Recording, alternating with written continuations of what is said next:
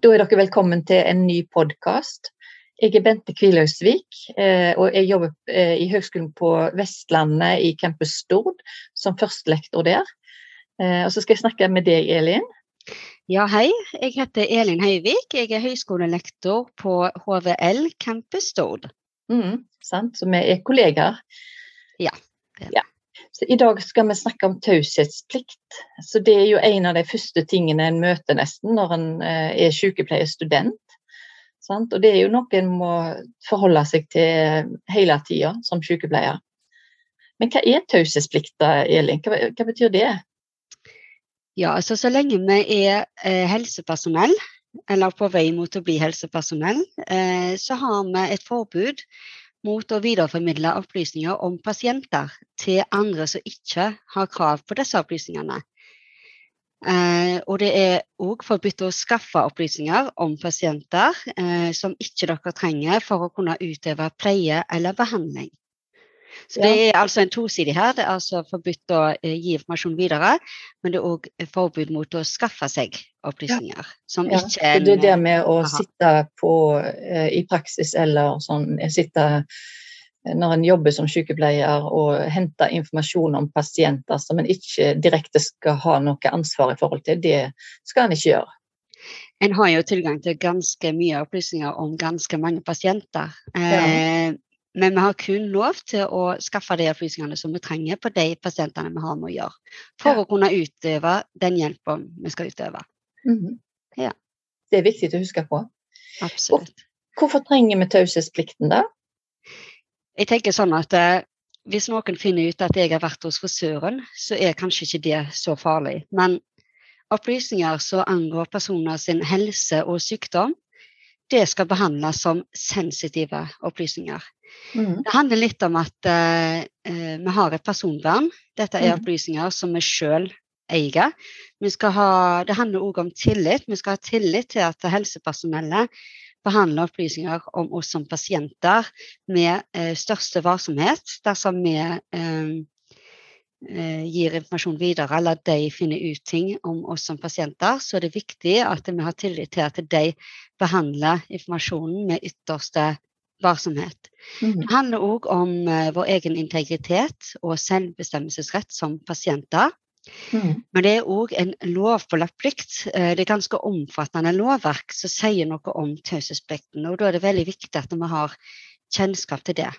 Men i tillegg til at det er en plikt for oss som helsepersonell, så er det òg en rettighet som pasientene har. Så her var en todeling. Altså plikt og en rettighet. Mm. Ja. Ja. Eh, det var en en gang som sa til meg at uh, taushetsplikt det er at når du har vært inne hos en uh, pasient i tjenestene der du er, jobber som sykepleier, så handler det om å glemme alt det du har hørt og sett. Men det er ikke ganske sånn, kanskje. Hva sier egentlig lovverket om taushetsplikten, Elin? Ja, eh, lovverket er ganske omfattende. Eh, og det er veldig viktig at alle har kjennskap til dette lovverket. Og eh, vi kan jo begynne med helsepersonelloven, eh, paragraf 21. Der står det bl.a. at helsepersonell skal hindre at andre får adgang eller kjennskap til opplysninger om folks legems- eller sykdomsforhold. Og det er forbudt å aktivt søke etter eller bruke opplysninger om personers sykdom, helsetilstand eller andre personlige forhold uten at det kan begrunnes med helsehjelp eller annen type oppgave knytta til helsehjelpen. Mm. Så da handler det litt om dette med å skaffe informasjon. Det er ganske tydelig eh, formulert i helsepersonelloven. Mm. Og du trenger jo å skaffe informasjon for å kunne gi helsehjelp noen ganger. Men det er egentlig bare da. Mm. Ja. Og det er kun det du trenger å vite. Du trenger ikke vite noe om eh, eh vedkommende har vært utro eller andre private opplysninger. Vi skal kun vite det vi trenger for å utøve helsehjelp. Mm. Så har vi òg eh, pasientjournallovens paragraf 15 og 16. Eh, den viser òg til helsepersonelloven, eh, og går òg videre eh, eh, med å omtale personvernregelen. Altså mm. pasienter har rett til å motsette seg registrering og bruk av registrerte opplysninger. Altså dette handler litt om at eh, pasientens opplysninger er pasientens eiendom Mm. eh, og skal behandles deretter. Mm. Eh, sånn at det handler òg om eh, brukers egne rettigheter. Eh, og den rettigheten en har til å kunne påvirke hva som blir nedtegna. Mm. Eh, og videre da så sier pasientjournalloven at pasienter har rett til informasjon og innsyn. Så det vil si alt du skriver ned i en journal, det må du regne med eh, kan bli lest av pasient eller òg pårørende, dersom Mm. den får tilsyn til det. Det kan det. Og det med å motsette seg registreringer, altså det kan jo noen ganger være hensiktsmessig at en snakker med pasienten om hva det er en skal skrive ned. Ikke sant? Mm. Eh, eksempel at en jobber i psykisk helse, en tjeneste innenfor psykisk helse, eh, så kan det gjerne være sånn at eh, pasienten trenger å få fortalt deg som sykepleier eller sykepleierstudent om noen ting.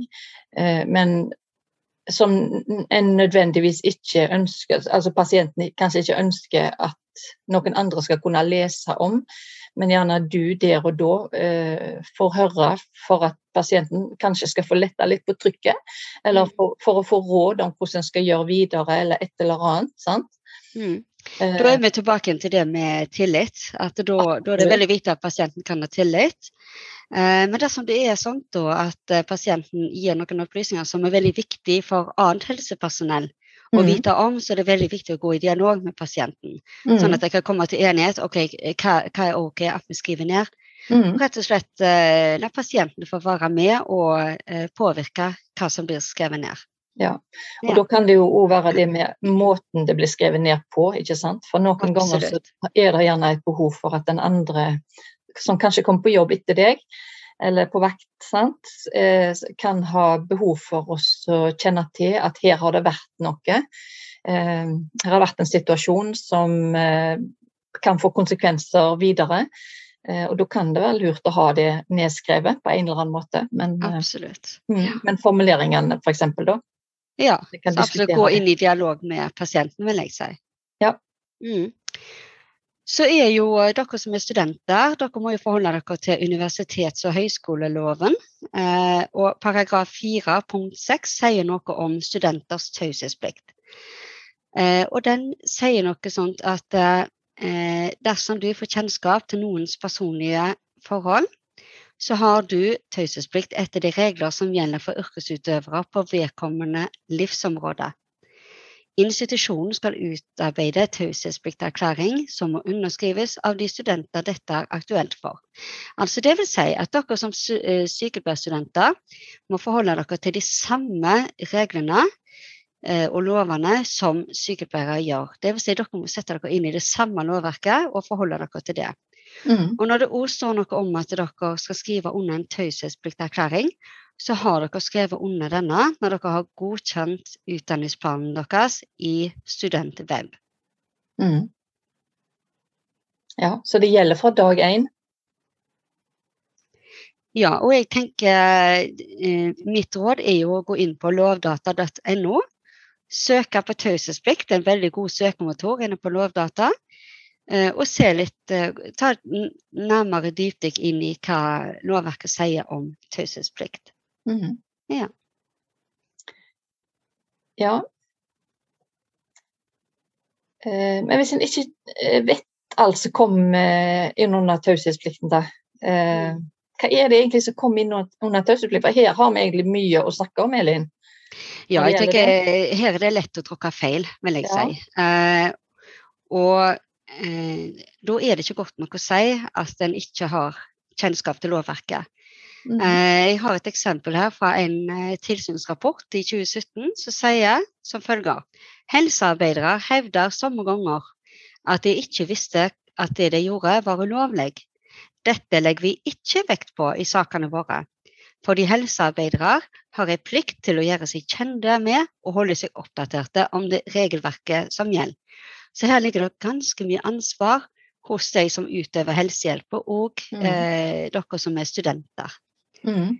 Eh, og jeg tenker da er det viktig at hvis det er eh, tilfeller som oppstår på jobb hvor du blir usikker, så er det viktig at du trykker på pauseknappen og setter deg inn i eh, det lovverket som finnes, og henter den informasjonen du trenger for å kunne vite hva du skal gjøre videre. Mm. Det skjer noen overtramp her som vi skal komme litt tilbake til.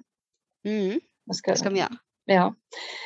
Eh, men gjelder taushetsplikten kun helse og sykdom, eller gjelder det for andre ting òg? Andre typer opplysninger? Hvordan er det med det? Ja, nå nevnte jo jeg i starten dette med eh, å være hos frisøren. Ja. Og jeg tenker det, det, er ikke nødvendig for å utøve helsehjelp, nødvendigvis. Eh, kanskje, hvis en vrir litt på det, at jeg ikke har klippet håret på fem år og har en psykisk lidelse som gjør at jeg isolerer meg, så er kanskje det verdt å vite. Eh, men det er veldig viktig å, å spør seg selv når eh, en dokumenterer og rapporterer. Eh, er dette noe som en trenger for å utøve helsehjelp? Fordi taushetsplikten gjelder òg tilsynelatende harmløse forhold. Om boligsituasjon, familierelasjoner og livsstil. Mm. Jeg nevnte f.eks. det med utroskap. Altså, her, er det mye som en kan eh, uh, tråkke over grensa på. Eh, og vi hele tida være bevisst på det. Og jeg, jeg, kan gi et eksempel fra en journal. Der sto det bl.a. pasienten har vært på FKH-kamp i dag. Akkurat i denne situasjonen da, så eh, gikk kveldsvakten og henvendte seg til pasienten og sa ja, jeg hører du har vært på FKH-kamp i dag, hvordan var det? I beste mening. Og pasienten reagerte. Så liksom, ja, hvordan vet du det? Mm. Og hva har dere med det å gjøre, at jeg har vært på FKH-kamp eller ikke? Mm. Så her er en sånn gråsone som Ja, jeg hører virkelig det hjemme i en journal at pasienten har vært på FKH-kamp eller ikke. Mm. Og hvis en er i tvil, ja, spør pasienten. Mm. Er det OK at jeg nevner dette? Jeg tenker det er viktig å nevne fordi du har ikke vært ute på lang tid, f.eks. At det er viktig at de får vite det, de som kommer etterpå. Mm. Mm. Eh, og noen ganger så er det jo nødvendig eh, eller hensiktsmessig å nedtegne eh, den typen opplysninger i en journal. Eh, for det kan jo handle om psykososiale behov, f.eks. Eh, en pasient som har isolert seg, og som kanskje, kanskje ikke har hatt sosiale relasjoner, kanskje ikke har kommet seg ut på ting, eller hvis vi da helsefremming og forebygging, så er jo det viktige områder i forhold til sykepleie. Så det kan jo være lurt å nedtegne, men som du sier da, Elin, at en eh, eh kanskje må bli litt enig med pasienten om hva det er en skriver ned. Mm. Eh, og så at en da òg er varsom med hvordan en eventuelt videreformidler det hvis en eh, Når en snakker med, med, pasienten i neste omgang, ikke sant? Absolutt. Absolutt. Ja. Mm. ja. Så én ting er jo liksom at en skal skrive ned ting, for det, det er et problemområde, eller det er et, område som en jobber med. Mm. Eh, men en annen ting er hvem er det som trenger de opplysningene. Det er to forskjellige ting. Mm. Absolutt.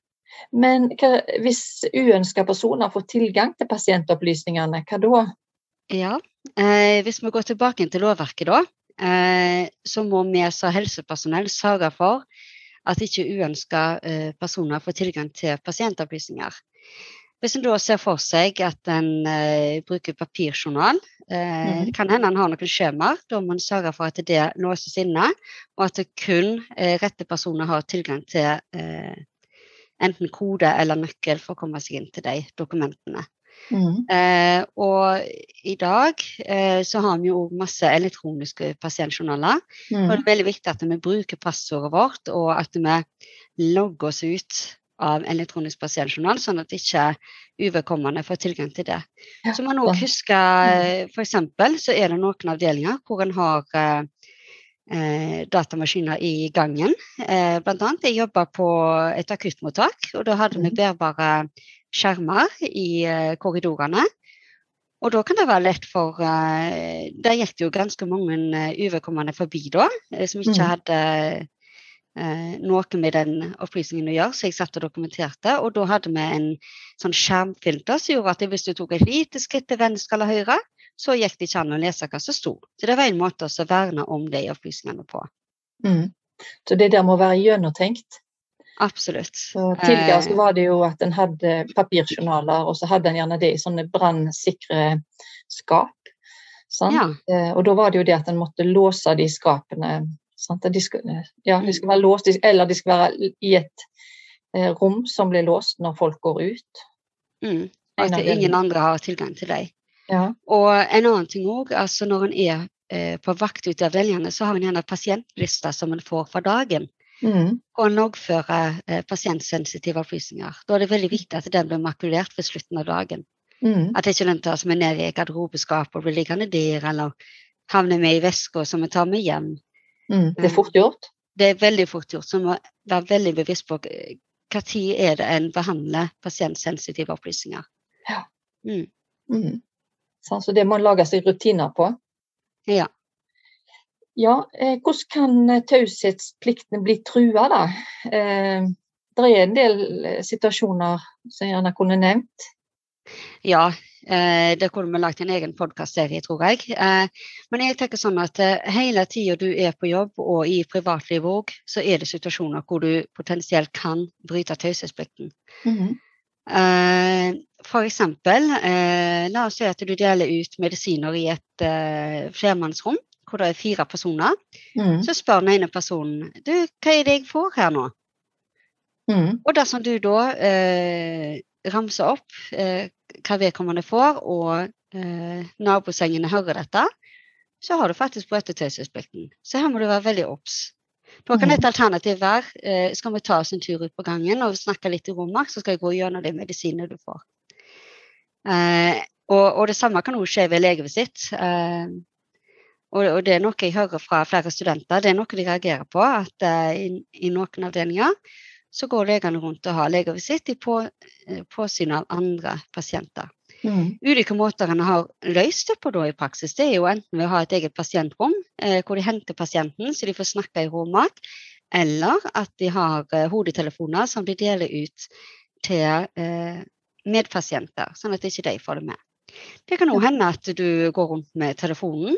Så ringer telefonen og sier at eh, hei, det er så og så, og jeg lurer på hvordan går det med naboen min.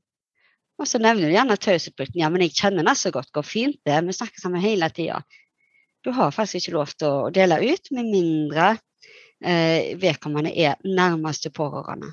Mm. Men òg det rommet man være obs. Det kan hende at eh, pasienten har reservert seg mot at det skal gi ut opplysninger, til og med til den som er nærmeste pårørende. Mm. Eh, og i eh, elektroniske pasientjournaler så skal det da være merka med rødt. Mhm. En må òg være obs på sosiale medier. Eh, hvordan en uttaler seg der. Eh, jeg har hørt eksempler fra tilsynssaker hvor eh, f.eks. en lege har lagt ut eh, sånne små videoer eh, fra arbeidslivet, og der har de klart å kjenne igjen pasienter, og det har blitt opprettet tilsynssak. Mhm. Et bilde av en person som er, da har Ja, vært pasient. ja, de har også har, har omtalt pasienten med navn, f.eks., eller på ulike måter har kunnet gjenkjent pasienten. Mm. Så det beste er hold arbeidslivet ute fra sosiale medier. Absolutt. Ja. Eh, og det kan også være noe så enkelt som at en pasient sier til deg å ja, du, er ikke du dattera til den og den? Ja, nå må du hilse hjem til mor di. Mm. Og så sier du gjerne så fint ja, men jeg har taushetsplikt. Ja, men det går fint, det. Hun vet at jeg er her. Allikevel så skal du være obs, altså, selv om du får eh, tilsyn, fordi det kan generere en helt ny rekke. Fordi når du går hjem og hilser til, til mor di, f.eks., da, Mhm. eh, så har ikke mor di de samme taushetspliktene. Så da genererer du en ny rekke med informasjon Ja. som ikke har de samme eh, restriksjonene som du har. Mm. Så da kan du heller be vedkommende ja, bare sende en melding, du. Mhm. På ulike måter prøve å styre unna det. At ikke du er den som videreformidler opplysninger, selv om det bare er det at du skal hilse. Mm. For det er nok til at vedkommende har funnet at ok, ja, men da er vedkommende innlagt på den og den avdelingen, f.eks. Mm.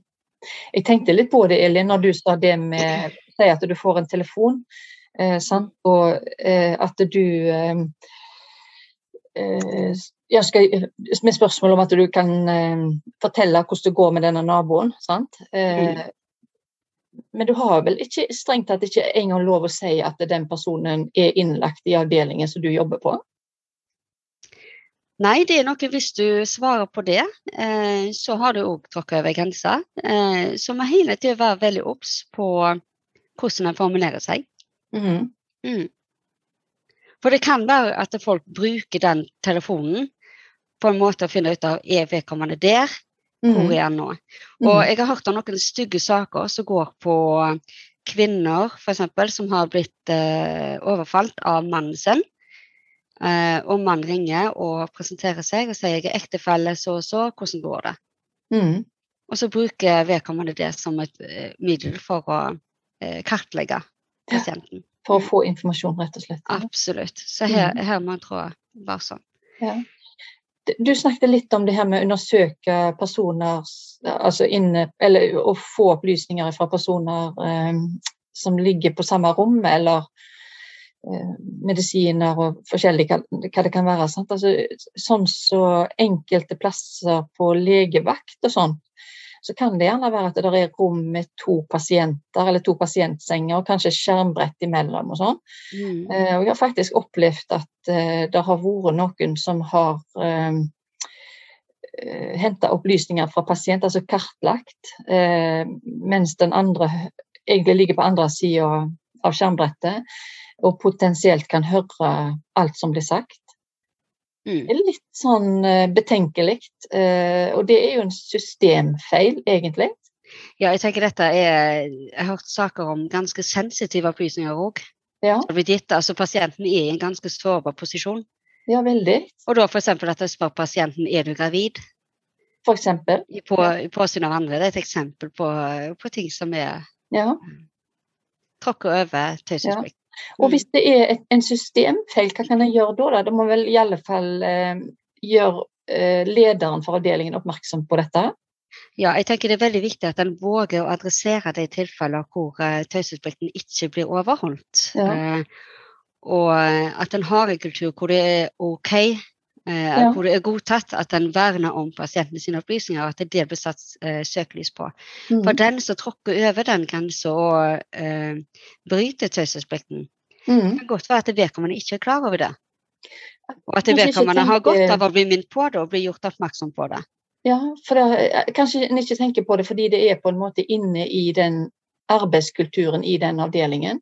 Mm. Tenk òg på det her med at en eh, går inn i et hjem, i hjemmesykepleien. Eh, kanskje en har kjørt til boligen til den som en skal hjelpe, med en bil med kommunelogo på.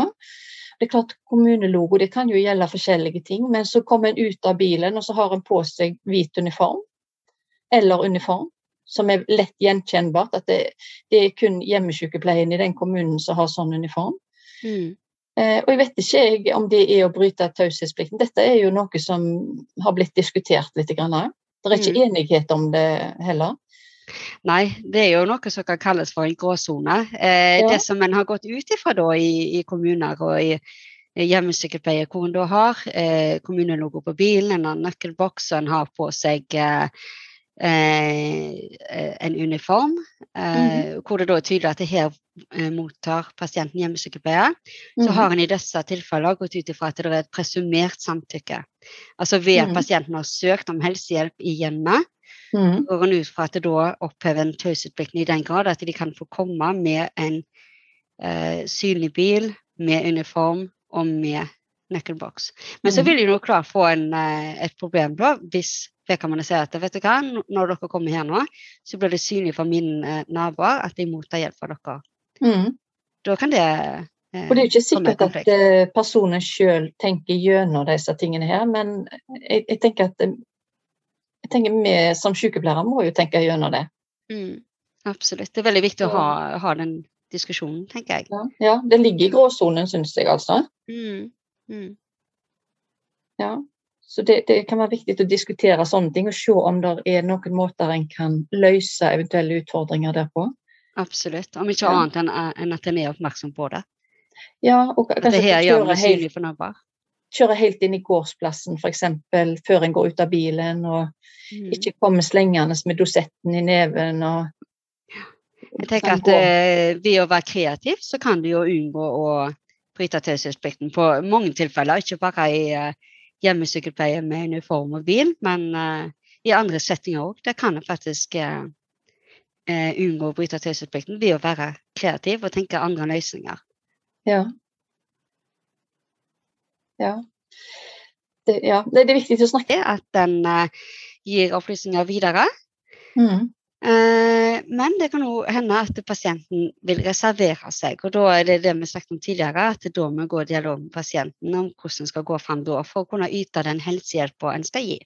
Mm. Men så har vi òg noe som heter meldeplikt. Eh, og da kan det hende at det er andre organer eh, som en må gi opplysninger til, og hvor en da må oppheve tauseplikten. Det kan f.eks. være ved smitte. Det er ulike sykdommer som en må informere om eh, til offentlige etater for å eh, sikre for smittevern. Og Det har vi jo sett ved korona f.eks. Det har vært veldig viktig at eh, de som behandler eh, smitteforløpet, at de får de opplysningene de trenger. Mm. Eh, dødsfall må meldes ifra til offentlige instanser. Dersom en oppdager eller mistenker rusmisbruk ved graviditet, så må det meldes videre. Mm. Det kan òg hende at en blir eh, innkalt til vitne i en rettssak. Og Mm. da vil en få beskjed om at en nå opphører eh, taushetsplikten. Mm. Eh, det kan òg være at politiet tar kontakt med deg og har en eh, rettssak på gang. Men så blir det Mm. litt sånn, ok, hvis en ringer fra politiet og en blir usikker, liksom, kan jeg svare på dette spørsmålet eller ikke? Mm. Eh, så er det ulike måter du kan gå fram. Det ene er eh, at jeg sier fra at nå er jeg litt usikker på hvilke opplysninger jeg skal gi. Jeg kommer tilbake til deg. Jeg ringer deg opp Mm. igjen. Eh, dette er gjerne òg for å sikre at det er faktisk politiet som har ringt, at jeg får sjekka telefonnummeret. At ikke det er hvermannsen som ringer og gir seg ut for å være politiet. Mm. Eh, en annen ting også er at da får en sjekke litt opp i lovverket. En kan høre med ledelse eller kolleger. Er det noen som kan hjelpe med litt her? Og få litt mm. råd og hjelp på veien. Mm. Men vi kan òg spørre den som henvender seg til deg, eh, og be deg eh, vise til hva lovverk er det dere forholder dere til når dere ber om denne informasjonen. Mm. Og da mener er de ja, nei, for det er ikke alt du kan ikke svare politiet uansett hva det er de spør om. Det er ikke alt du kan svare på. Nei, det er ikke det. Det må en sjekke opp i sånn at en vet hva det er for noen opplysninger. Og, Mm. ja. og det handler jo litt om hva, hva saken gjelder. Ja. Og da kan det være lurt å be vedkommende vise til lovverket. Ja, absolutt. Og det eh, vil de vel gjerne vanligvis gjøre òg, i en eh, korrekt henvendelse. Ja. Ja. Skal de ha kjennskap til lovverket? Hvis ikke, så må gjerne de ta og legge for opp igjen. ja, det tror jeg. Mm. Ja. Så det, her er det en del å tenke på, egentlig. Eh, for, liksom som du sa for en liten stund siden, Elin, altså det her med rapport. altså Vi gir jo rapport mellom vaktskifter og, og sånne ting. og Så det er der, der gir en jo videre informasjon, men der gir en jo informasjonen videre til noen som trenger informasjonen for å ta vare på pasienten, ikke sant? Mm. Da begrenser en, eh, det til det kveldsvaktene trenger å vite for å Ja. gjøre sin jobb. Ja. Ja. ja. Og da er det viktig at en har skrevet det på en sånn måte som pasienten eh, er fortrolige med og syns er greit. Sånn. Mm.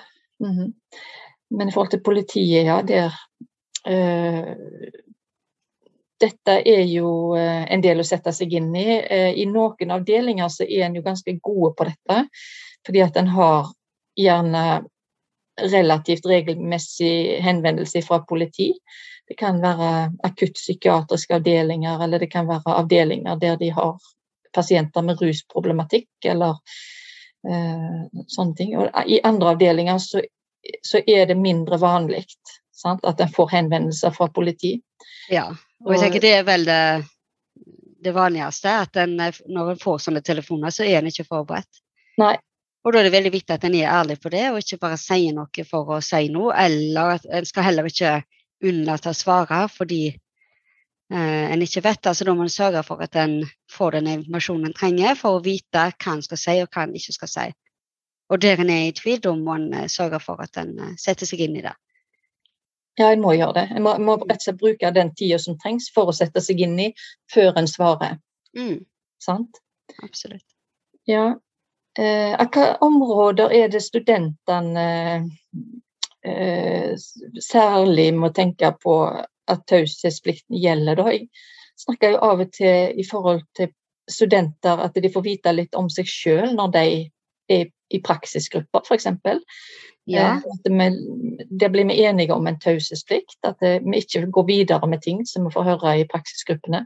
Verken om medstudenter eller om pasienter hvis det skulle eh, De skal jo ikke snakke om eh, pasienter i praksisgruppa, men noen ganger så er det kanskje to studenter som har praksis i samme avdeling, og så snakker de om en problematikk som er gjenkjennbar. Mm. Så det er jo litt ulike områder her, kanskje. Ja, jeg tenker at når en er ute i praksis, eh, så er det sånn som jeg nevnte tidligere, en må forholde seg til de samme reglene som en gjør når en er eh, sykepleier. Mm. Eh, og når en er i praksis da, eh, så må en bli kjent med taushetsplikten og forholde seg til den. Og jeg tenker i praksisgrupper så er det veldig viktig at en ikke sitter i lag med andre når en har det i praksisgruppene, at en er fortrolig. Og dersom en snakker om pasienter, det kan òg være i eh, skriftlige oppgaver. Eh, F.eks. å skrive en sykepleierplan eller et refleksjonsnotat eller andre skriftlige oppgaver hvor du relaterer til erfaringer fra praksis, så er det veldig viktig at de opplysningene ikke er gjenkjennbare. Da må de anonymiseres. Så hvis du har behov for å reflektere over en hendelse i praksis, så må det anonymiseres. Eh, men jeg Det å snakke i korridorer, hva sier du om det, Elin? ja, det- der har jeg sett eh, Ja. mange hendelser hvor en eh, snakker i ganger, og så går det gjerne pårørende forbi. Og jeg har sett et veldig grelt eksempel hvor en sykepleier eh, rett og slett hermer etter en pasient, og så Mm. ser jeg pårørende komme gående bak sykepleieren mens dette foregår. Mm. Eh, og jeg bare ser ansiktsuttrykket forandre seg med en gang jeg ser at eh, pårørende eh, hvem det er snakk om.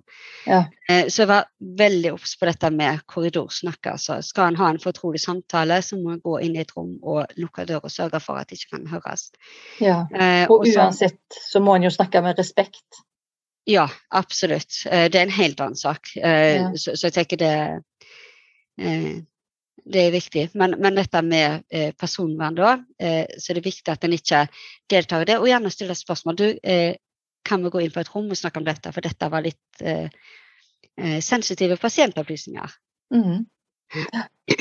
Og jeg tenker også som eh, studenter i praksis, så er det viktig at en gir beskjed til kontaktsykepleier dersom du observerer atferd som kan true taushetsplikten. Sånn at Mhm. det, det er ikke forventa at dere som sykepleierstudenter skal komme inn og så endre en hel kultur, men at eh, en gir beskjed dersom en opplever noe som kan være kritikkverdig.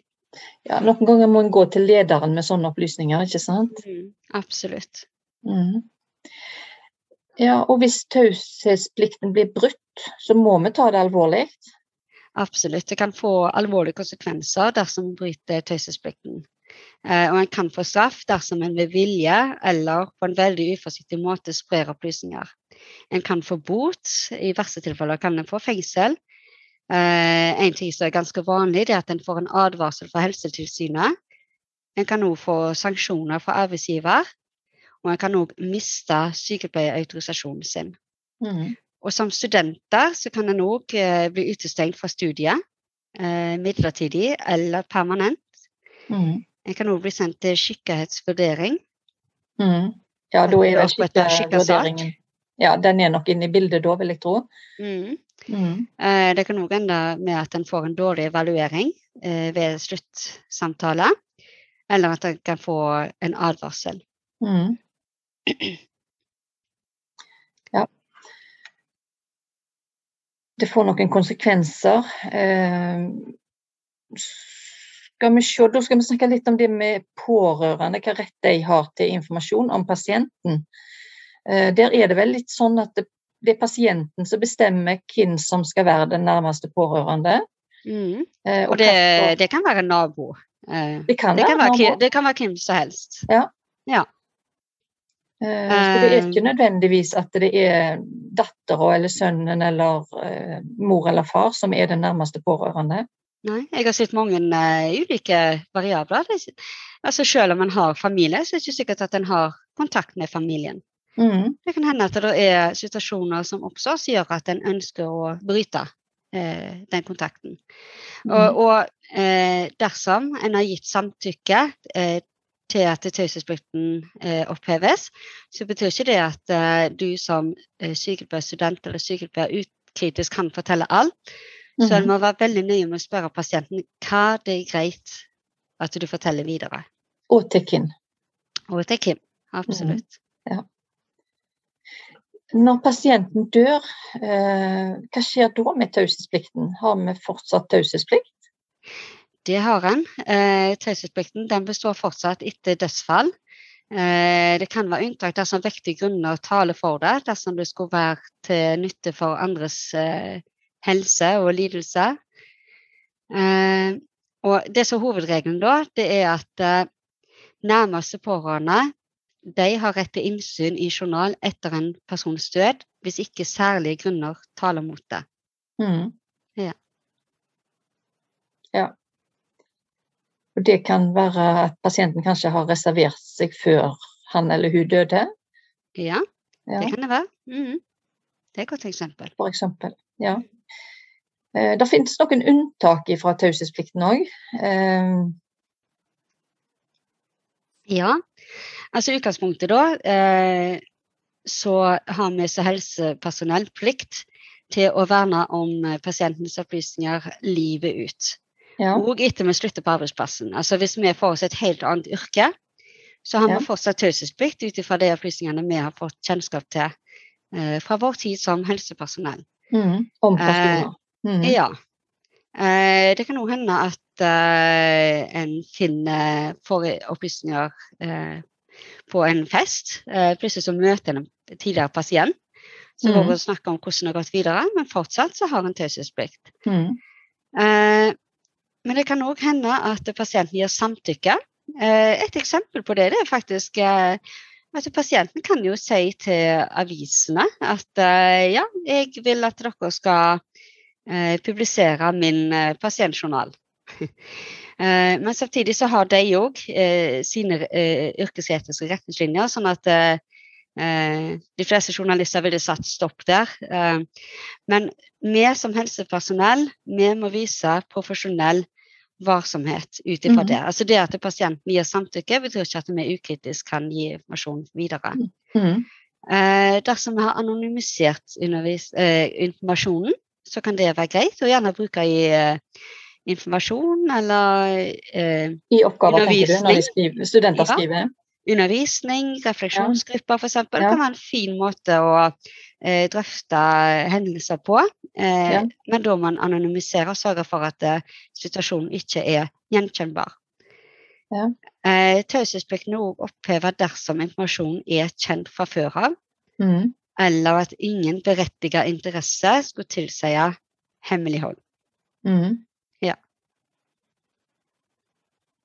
Ja. Altså eh, Der er jo òg både et ønske om eh, hva skal du kalle det forbrukererfaringer inn i forskjellige ting. F.eks. når en skal tilrettelegge for eh, tjenester i en kommune eller i en avdeling. Eh, så da vil en jo gjerne ha opplysninger, og de bygger jo ofte på personlige erfaringer.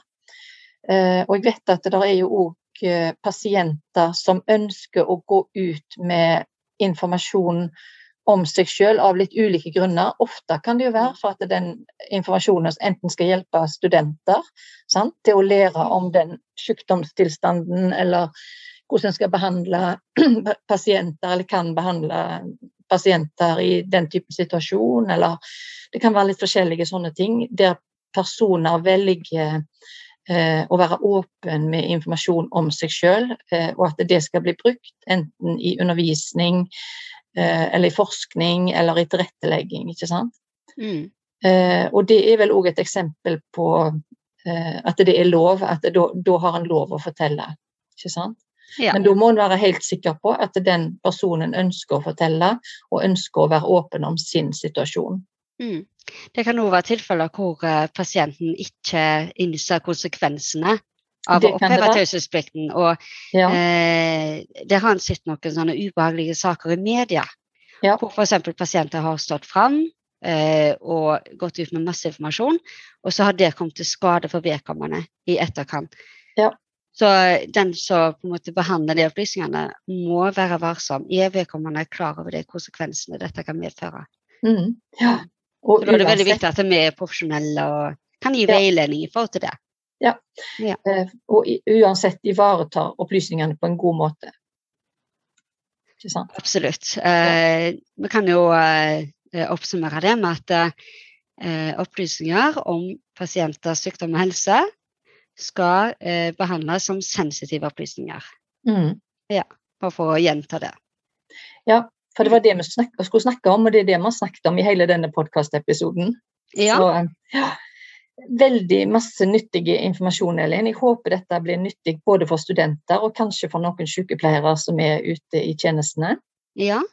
Og jeg tenker, er en i tvil, så er det veldig viktig at en gir beskjed om det. Og at en sørger for at en ikke er i tvil i Ja, etterkant og ved å innhente diskutere den informasjonen en trenger. Ja, rett og slett. Mm. Mhm. Ja, men skal vi si ha det for denne gangen, Elin? Ja, da vil jeg Mhm. ønske dere alle lykke til. Ja, ha det godt da. Ha det fint. Du har nå hørt en podkast fra Høgskolen på Vestlandet. Du kan høre flere podkaster fra oss ved å gå inn på nettsiden hvl.no. slash podkast.